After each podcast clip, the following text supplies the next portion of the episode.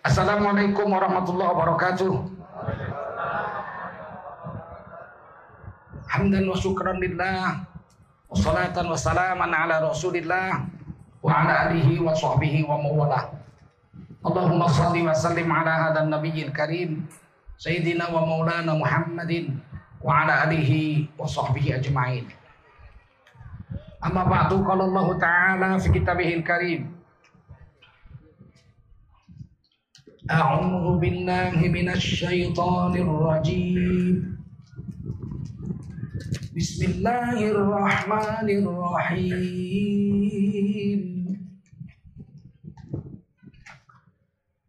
ما كان محمد أبا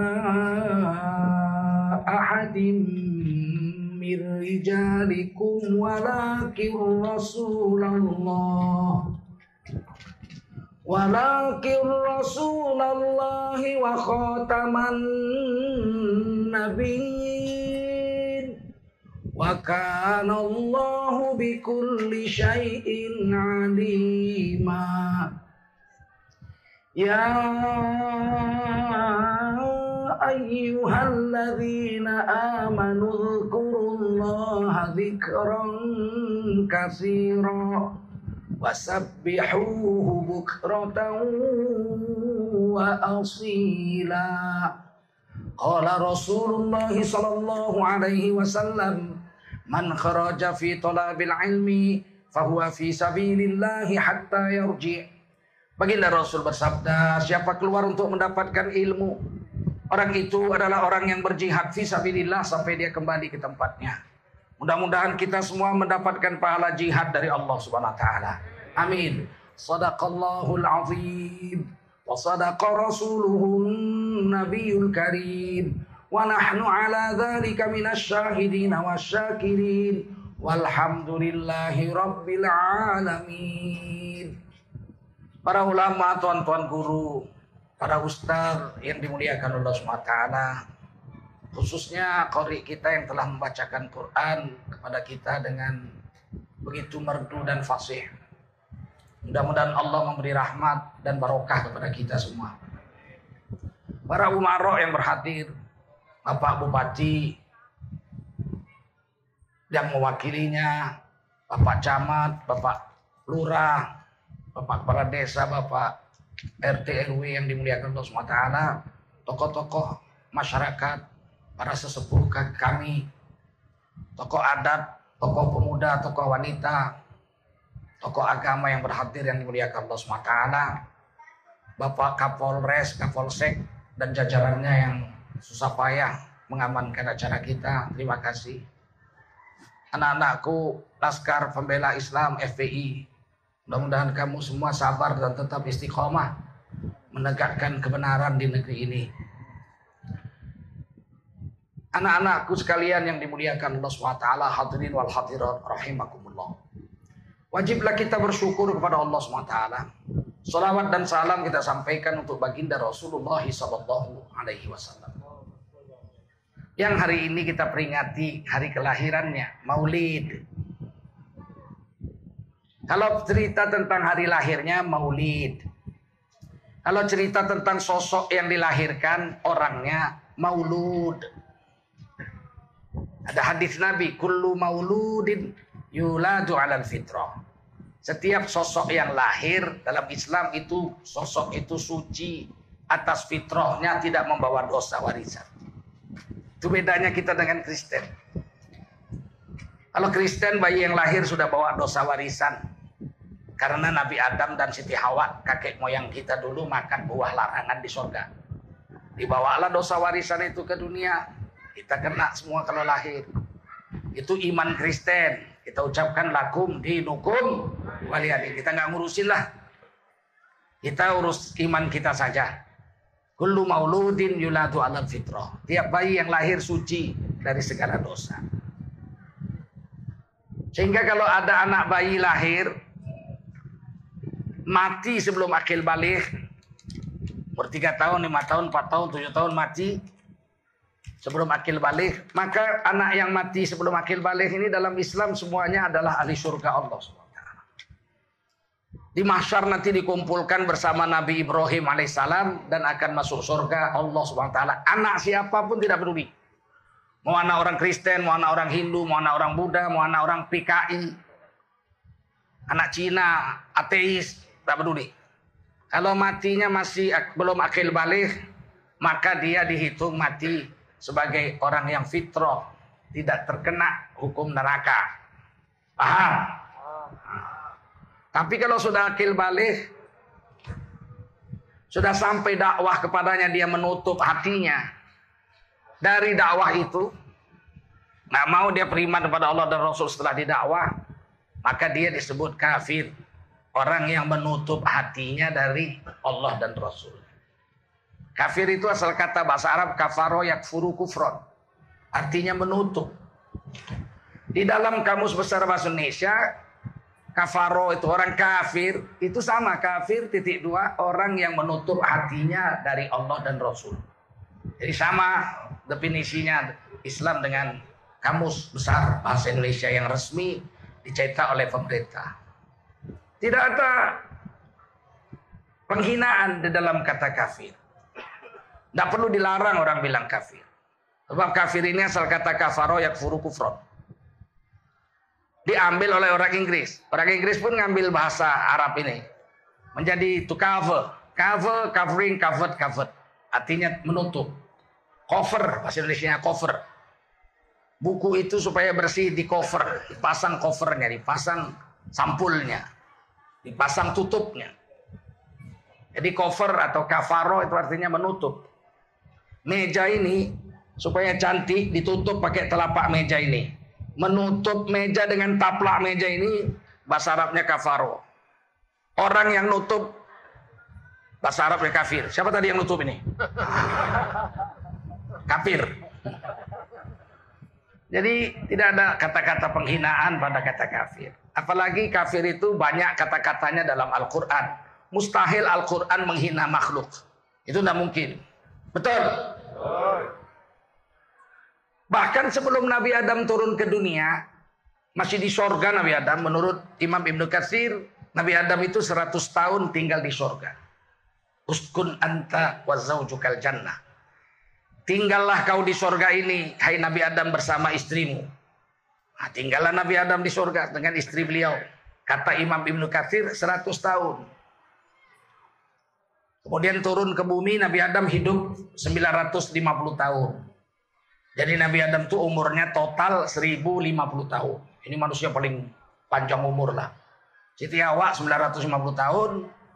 Nabi Nuh 950 tahun. Nabi Ibrahim 200 tahun. Nabi Muhammad SAW 63 tahun. Singkat cerita, Allah memerintahkan malaikat-malaikat untuk sujud kepada Nabi Adam. Tapi sujudnya bukan sujud menyembah. Mustahil Allah menyuruh makhluk menyembah selain Allah itu tidak mungkin. Tidak mungkin Allah menyuruh malaikat menyembah Nabi Adam itu tidak mungkin. Jadi sujudnya itu lita'zim, sujud menghormat. Bukan sujud lita'abud, bukan sujud menyembah. Iya karena budu, wa iya kanas. Hanya kepada Allah kita menyembah, tidak boleh yang lain. Hanya kepada Allah kita minta tolong. Jadi sujudnya Nabi apa malaikat-malaikat kepada Nabi Adam itu sujud menghormat aja. Kayak orang Jawa sungkem ke kaki bapak mamanya. Itu sujud menghormat. Allah katakan wa idkulna lil malaikatis judu li Adam. Dan ingat olehmu ketika Allah berfirman kepada para malaikatnya isjudu li Adam, sujudlah kamu kepada Nabi Adam untuk hormat. Fasajadu semua malaikat-malaikat hormat. Illa iblis kecuali iblis. Menolak sujud. Abawas takbar congkak dan sombong iblis. Wakana minal kafirin. Jadilah iblis golongan kelompok kafir. Kelompok kuat, kelompok yang kuat, kelompok. Nah, gak ada penghinaan di situ. Oleh karena itu kita jangan terpengaruh dengan pendapat-pendapat yang mau mengkerdilkan kita. Kita ini di Indonesia 88,2 persen. 230 juta bangsa Indonesia ini beragama Islam. 37 saja. 37 juta saja penduduk Indonesia ini yang bukan Islam. Yang 230 juta lagi Islam semua. Kita banyak. Dan Alhamdulillah negara kesatuan Republik Indonesia ini melindungi untuk kita percaya memegang teguh agama dan menjalankan agama. Pasal 29 ayat 2. Pasal 29 ayat 1 Undang-Undang Dasar bunyinya begini. Negara berdasar ketuhanan yang Maha Esa. Wah, ini menggembirakan. Maka mustahil ada ulama yang anti Pancasila Undang-Undang Dasar 45 itu mustahil. Tidak mungkin. Sebab Pancasila itu falsafah negara, cara pandang bangsa Indonesia tentang dirinya bahwa orang Indonesia itu wajib berketuhanan Mesa. Wajib berketuhanan Mesa. Nggak boleh PKI, ateis di sini nggak boleh. Wajib berkemanusiaan yang adil dan beradab. Itu cara pandang kita. Orang Indonesia mesti ber, berkemanusiaan yang adil dan beradab. Nggak boleh orang Indonesia itu berkebinatangan yang zolim dan biadab. Nggak boleh. Wajib orang Indonesia itu berketuhanan yang Maha dan berkemanusiaan yang adil dan beradab. Dan wajib orang Indonesia itu berpersatuan Indonesia. Nggak boleh pecah Indonesia ini. Dari Sabang sampai Merauke NKRI sejengkal pun nggak boleh diambil asing. Nggak boleh lepas NKRI ini dari Republik Indonesia. Dan pernah lepas. Pernah lepas. Dua kali lepas. Sekali zaman Pak Habibie. Timur Timur lepas. Udah triliunan duit kita bangun Timur Timur itu. Udah ratusan tentara kita yang wafat di sana syahid. Waktu tim-tim gabung kita minta bergabung pada kita mereka yang minta bukan kita yang mau. Itu jalan aspal di Timur Timur itu cuma 800 meter. Di depan kantor gubernur Timur Leste. Orang pribumi nggak boleh jalan tuh. Nggak boleh lewat. Jalan kaki juga boleh lewat jalan aspal itu. Mesti minggir. Sebegitu jahatnya penjajah Portugis itu. Gabung sama kita dibangun tim-tim tuh hebat-hebatan. Tiba-tiba dia minta ke PBB referendum. Disetujui sangka baik aja kita. Salah Pak Wiranto ini waktu itu. Dia menjamin kita menang referendum. Referendum pemilihan rakyat tim-tim ikut Indonesia atau merdeka. Menang mereka merdeka, tim-tim lepas duit kita habis ratusan triliun, ribuan triliun. Yang kedua zaman Ibu Megawati. Pulau Sipadan dan Ligitan lepas. Jadi milik Malaysia. Itu tidak boleh terulang lagi sampai kiamat. Bahwa bangsa Indonesia berpendapat, berpandangan hidup, berfalsafah, persatuan Indonesia. Dari Sabang sampai Merauke itu kita punya, nggak boleh orang lain ambil. Andai kata ada musuh dari luar datang mengambil Indonesia, Cina misalnya nyerbu Indonesia, maka kita laki-laki hanya boleh mengungsi membereskan istri dan anak-anak perempuan kita, orang-orang jompo aja masuk hutan untuk mengungsi. Setelah itu besok pagi terbit matahari kita semua wajib berperang membela NKRI sampai mati atau kita merdeka. Siap? Siap. Begitu bangsa Indonesia itu.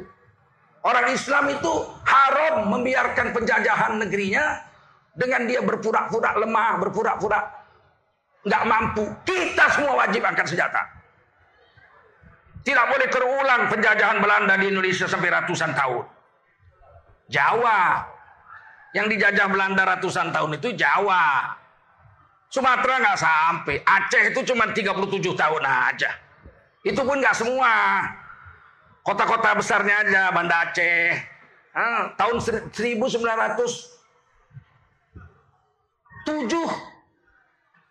Cut Nyadin ditangkap Belanda.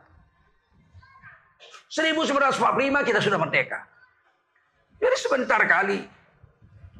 Itu pun Banda Aceh aja. Di luar Banda Aceh 20 km. Raja Aceh sudah mengungsi situ, perang di situ. Masjid Indrapura di, dijadikan benteng perperangan melawan Belanda. Yang lama dijajah itu kan orang Jawa, bukan orang Sumatera. Kenapa bisa Belanda yang 6 juta orang menjajah Indonesia yang jumlahnya waktu itu 60 juta? Karena kita nggak bersatu.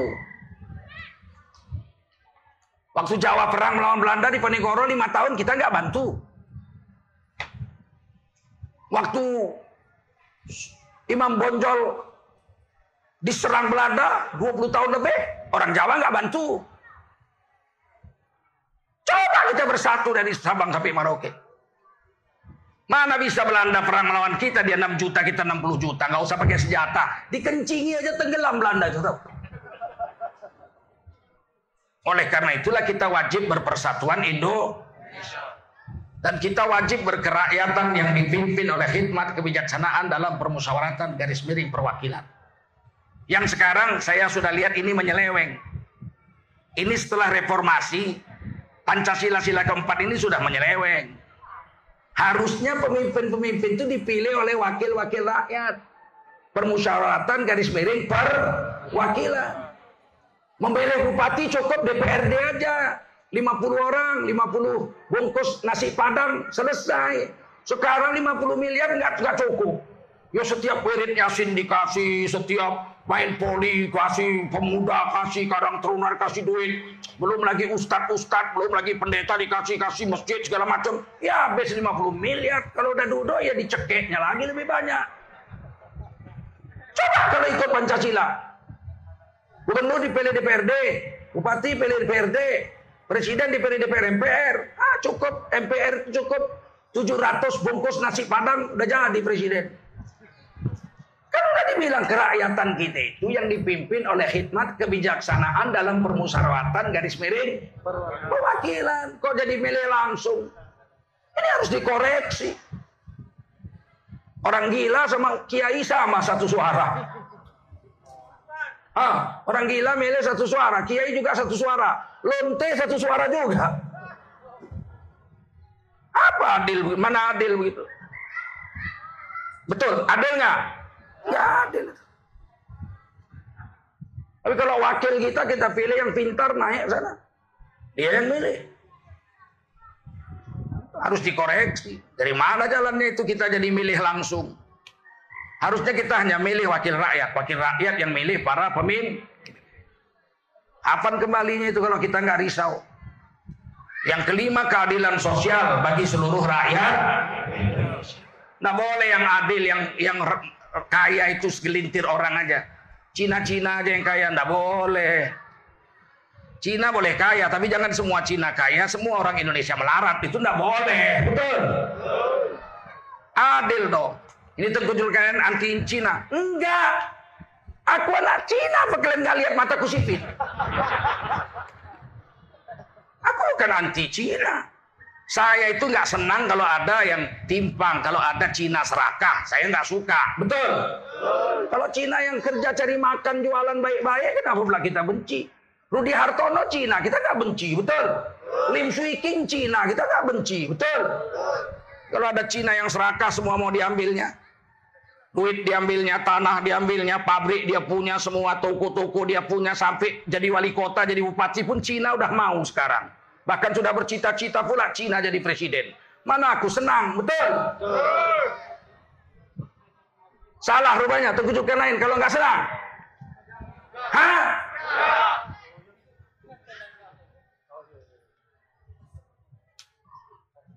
Pasal 29 ayat 2 negara menjamin tiap-tiap warga negara untuk memeluk agama garis miring kepercayaan dan menjalankan agama garis miring kepercayaannya masing kita dijamin oleh negara. Orang Hindu menjalankan agama Hindu 100% dijamin oleh negara. Orang Kristen menjalankan agama Kristen 100% dijamin oleh negara. Orang Buddha menjalankan ajaran Buddha 100% dijamin oleh negara. Orang Islam menjalankan agama Islam 100% dijamin oleh Nggak boleh dilarang. Siapa melarang orang beragama di Indonesia menjalankan agamanya 100%?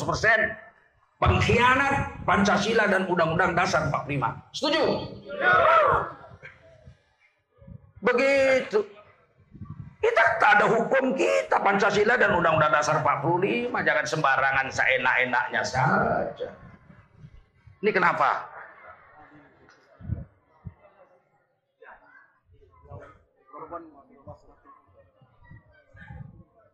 Ayo laki-laki ngalah. Ibu mana perempuan lebih banyak? Ayo ibu-ibunya maju ke depan ada ada tempat. Bapak-bapak sudah mengalah. Tapi jangan ribut-ribut, cepat aja sap sap sap sap sap. Ah.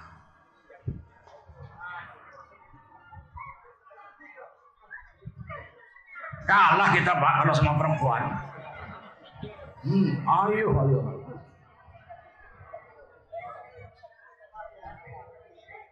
Dah, udah, udah, udah, udah. Dah, cukup, cukup, cukup, udah penuh. Sudah, yang di masjid duduk aja, yang di masjid. Gak ada tempat lagi, Bu. Ah, Oke, okay, kita lanjut.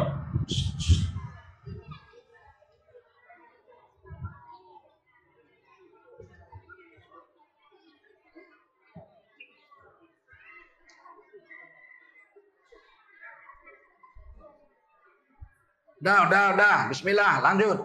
Tengok. Orang Hindu di Indonesia nggak sampai satu persen. Sedikit sekali. Tapi di Bali dia 84 persen. Di Bali Islam 14 persen.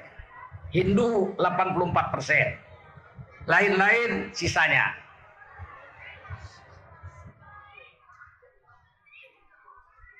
Tapi Pemerintah daerah Bali membuat peraturan daerah perda ditandatangani oleh gubernur dan DPRD bahwasanya pada hari raya Nyepi seluruh Bali harus mati lampu. Jadi listrik dimatikan, restoran tutup, warung-warung tutup, sekolah tutup, semua gereja, masjid, kuil, semua tutup. Manusia nggak boleh keluar rumah, Nggak boleh menyalakan api kompor. Rokok nggak boleh 24 jam. Berlaku, boleh berjalan. Saya udah tiap tahun dua tahun sekali saya ke India. Udah keliling seluruh India saya dakwah dari tahun 96. India itu 1,2 miliar penduduknya. 900 juta orang Hindu. Tidak pernah India membuat peraturan pemerintahnya mematikan lampu 24 jam, nggak pernah. Kapal terbang tutup, yang terbang nggak boleh mendarat, yang udah mendarat nggak boleh terbang. Cuman terjadi di Indonesia di Bali di lapangan terbang Gusti Ngurah Rai. Setiap tahun hari raya Nyepi, semua mati tutup semua. Restoran semua tutup, kapal terbang tutup, airport-airport ditutup. Tiga tahun yang lalu kejadian hari raya Nyepi jatuh hari Jumat. Maka Gubernur Bali mendatangi Ketua Majelis Ulama Indonesia, Provinsi Bali. Saya tahu orang saya wakil sekjen MUI pusat kok, bukan kaleng-kaleng. Maka didatangilah oleh Gubernur Bali, Bapak Kiai, Ketua MUI didatangi. Ini hari Jumat tanggal sekian, jatuh hari raya Nyepi. Bagaimana kita buat ini? Kata Ketua Majelis ada apa rupanya dengan hari raya Nyepi? Enggak, kan gini hari Jumat. Kalau hari Jumat ini kan orang Islam wajib sholat Jumat. Sedangkan listrik nggak hidup. Naik mobil nggak boleh, naik sepeda motor nggak boleh, semua nggak boleh. Oh, nggak apa-apa. Kami orang Islam sholat Jumat, tapi nggak pakai mikrofon, nggak pakai kipas angin, nggak pakai listrik, jalan kaki, nggak naik kapal, nggak naik mobil, nggak naik sepeda motor. Pokoknya kami sholat selingkas-ringkasnya aja. 7-10 menit jadi udah pulang lagi semuanya. Ah kalau gitu bolehlah. Jadilah di Bali tiga tahun yang lalu. Sholat Jumat di hari nyepi. Betul-betul nyepi, nggak pakai kipas angin, nggak pakai loudspeaker, nggak pakai apa-apa. Sama Bakdu tutup, langsung sholat, langsung pulang lagi tutup rumah semuanya. Kan indah begini. Lakum dinukum. Kita amalkan agama kita dan kita ngerti karena ini hari raya nyepi pendek aja, nggak pakai mikrofon, azan pun nggak pakai corong. Azan langsung orang aja begitu. Udah cukup pulang. Kenapa bisa terjadi padahal orang Hindu tidak sampai satu persen? Menjalankan syariat Hindu sehingga orang Islam pun mengalah seperti itu. Karena di dalam Undang-Undang Dasar 45 pasal 29 ayat 2 negara menjamin tiap-tiap negara warga negara untuk memeluk agama dan menjalankan agamanya masing masing. Oleh karena itu kita orang Islam pun dijamin oleh negara untuk menjalankan agama kita 100%. Betul? Tidak boleh dilarang. Saya pakai jubah serban, nggak boleh dilarang. Walaupun saya pegawai negeri, saya pegawai negeri saya 30 tahun saya hampir minta pensiun, sekarang udah pensiun. Tapi kan saya masih digaji sama pemerintah. Dan ketika saya ngajar, saya ngajar bahasa Inggris. Di kelas saya pakai bahasa Inggris, ladies and gentlemen. Oh, my my students, all of my students, I just want to tell you that semantics is the science of language. Kalau bahasa Inggris saya nggak perlu pakai teks. Pakai begini. Zaman Pak Harto, zaman Orde Baru saya pakai begini. Baru pensiun saya. Boleh nggak dilarang? Karena negara menjamin. Betul? Pernah saya disidang oleh dekan saya. Dekan-dekan kan kawan-kawan semua juga. Manggil abang adik aja ya kami. Dekan, dekan satu, dekan dua, dekan tiga. Kumpul di kantor, saya dipanggil. Jul, duduk Jul. Duduk. Ini kita mau rapat sebentar. Oke. Ini begini Jul. Kau pakai jubah serban, kau kan pakai negeri. Ah, kenapa bang? Ya janganlah pakai jubah serban, Jul. Ya, ada larangan yang saya langgar. Undang-undang kah, peraturan menteri kah, peraturan rektor kah, peraturan dekan kah, ada yang saya langgar. Ya nggak ada, cuman nggak pantas saja. Di mana nggak pantasnya?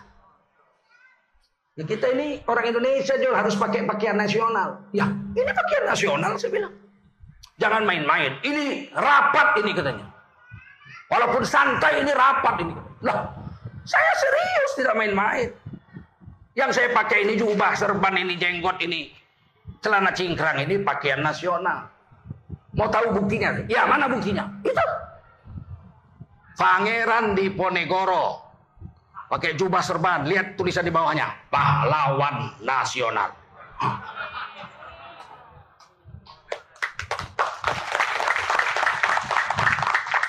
Itu lihat. Tuanku Imam Bonjol, jubah serban. Tulisannya di bawah, pahlawan nasional. Hah. Gak ada yang pakaiannya kayak kalian-kalian ini. Yang kayak kalian cuma satu di ujung sana, Dowes Decker. Satu aja. Yang lain kalau nggak pakai jubah, pakai jubah dipotong. Jubah dipotong. Namanya teluk belango. Teluk belanga itu jubah. Tangannya begini. Siapa yang pakai teluk belanga? Mana? Ah, tangannya begini. Ayo, ayo. Tangannya begini.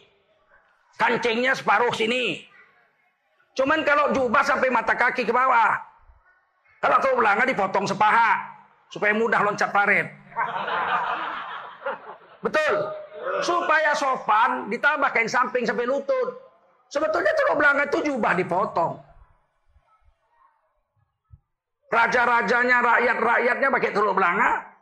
Mufti-muftinya pakai jubah serban. Sebelum Indonesia ada, udah ada itu ratusan tahun. Betul? Tiba-tiba Indonesia udah ada kok kita dibilang kadrun, kadal gurun. Aku bukan kadal, aku begini gantengnya dibilang kadal.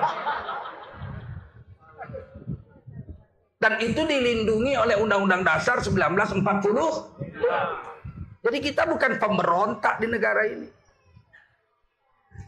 Jauh sebelum Indonesia merdeka, negeri ini negeri Islam. Ada 250 kerajaan Islam di Indonesia sebelum Indonesia merdeka. Dan sudah ada kuburan sahabat Nabi di Barus yang mengislamkan Indonesia. Pada tahun 44 Hijriah sudah wafat seorang sahabat Nabi di papan tinggi di Barus. Namanya Syekh Mahmud radhiyallahu anhu. Zaman sahabat Nabi, zaman tiga tahun setelah Sayyidina Ali wafat, zaman Muawiyah bin Abi Sofyan radhiyallahu anhu. Terus di bawah itu di papan tinggi di bawah Taman Mahligai ada kuburan sahabat Nabi namanya Syekh Rukunuddin itu gelarnya tiang agama. Nama beliau Zubair radhiyallahu sahabat Nabi. Wafat tahun 48 Hijriah dalam usia 102 tahun 2 bulan 20 hari. Lebih tua dia setahun dari Rasulullah Muhammad sallallahu alaihi wasallam. Nabi Muhammad lahir tahun 571 Masehi. Syekh Rukunuddin atau Zubair radhiyallahu anhu lahir tahun 570 Masehi. Setahun lebih tua beliau dari Rasulullah. Kuburannya di Baros. Kita sudah kenal agama, Zaman sahabat Nabi Rasulullah. Sudah ada kerajaan 250 kerajaan Islam di sini. Dari mulai Raja Aceh sampai Raja Empat, Raja Papua, Raja Empat. Sampai sekarang anak-anaknya Islam semua. Saya sudah ketemu Raja Empat Papua. Sepuluh kali udah saya dakwah ke Papua.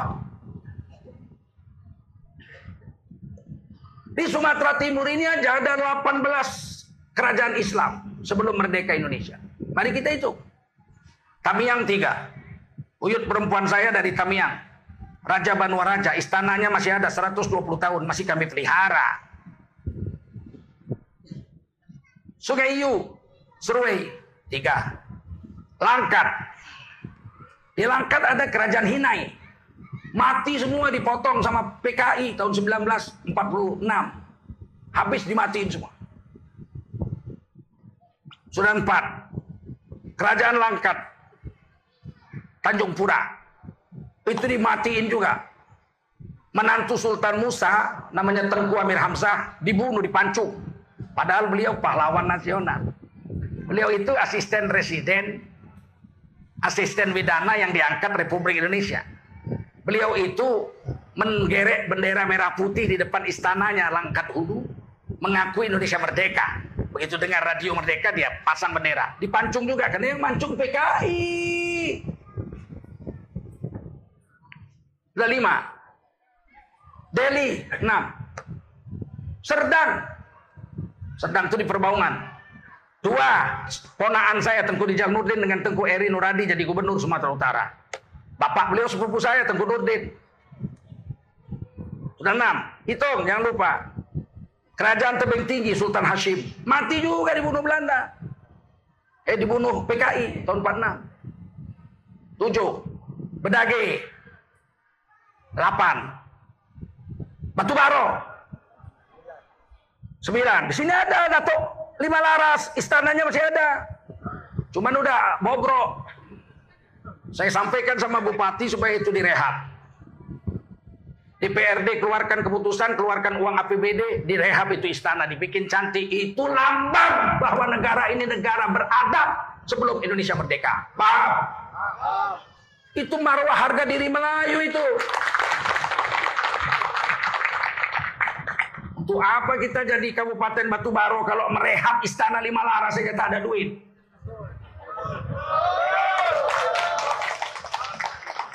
Ini bupati kita baik nih.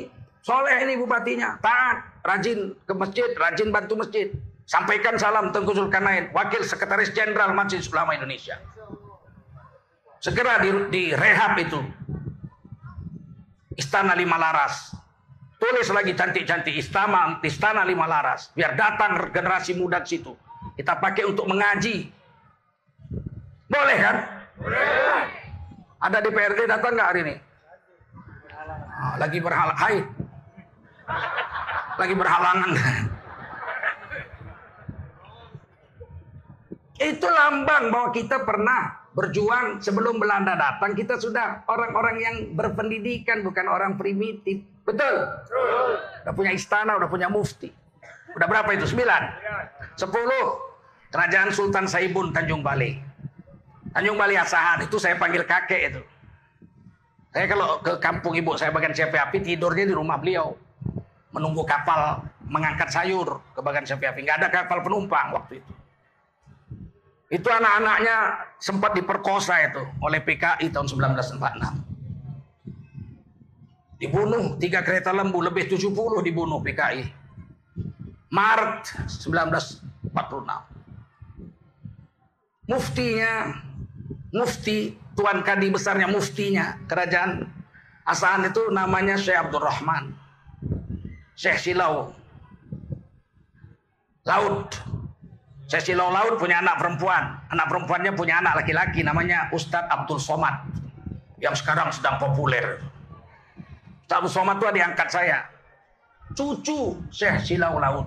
Mufti Kerajaan Asahan. Udah 10. 11 Kualuh. Mati juga habis dibunuh. 12 Mergo. Mati dibunuh juga. Anaknya akrab dengan saya, saya masih panggil paman, Tengku Am, Raja Amrul.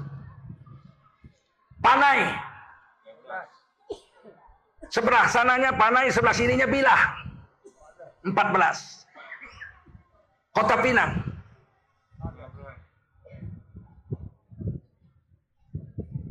Bedage. Bedage kelewatan. Habis rendang bedagi. Udah berapa? 16. Langga Payung. 17. 17. Satu lagi ketinggalan. Indrapura. 18. Indrapura itu ada kerajaan. Ada masjidnya. Muftinya, kepala pengadilan agamanya namanya Syekh Muhammad Zain. Pengarang kitab Arab, bahasa Melayu juga. Saya sudah jarah kepada kuburnya, jumpa cicitnya. Ternyata beliau mengaji kepada ahli Quran tingkat dunia namanya Syekh Ahmad Hijazi di Mekah. Roisul Qurra di Mekah Al-Mukarramah. Murid Ahmad Ijazi ini Syekh Muhammad Zain ahli kiraat 10 mufti kerajaan Indrapura. Saudara seperguruannya guru saya Syekh Azra'i Abdurrauf. Mengaji kepada Ahmad Ijazi. Jadi ijazah Quran saya itu dari saya terima dari guru saya Syekh Azra'i Abdurrauf, dari gurunya Ahmad Ijazi, dari gurunya dari gurunya ditulis namanya semua satu buku itu sampai kepada Abu Musa al Ashari sampai kepada Rasulullah SAW sampai kepada Ruhul Amin yaitu malaikat Jibril sampai kepada Allah itu kiraat tujuh itu ada semua silsilahnya 18 kerajaan ada di Sumatera Timur sebelum Indonesia merdeka.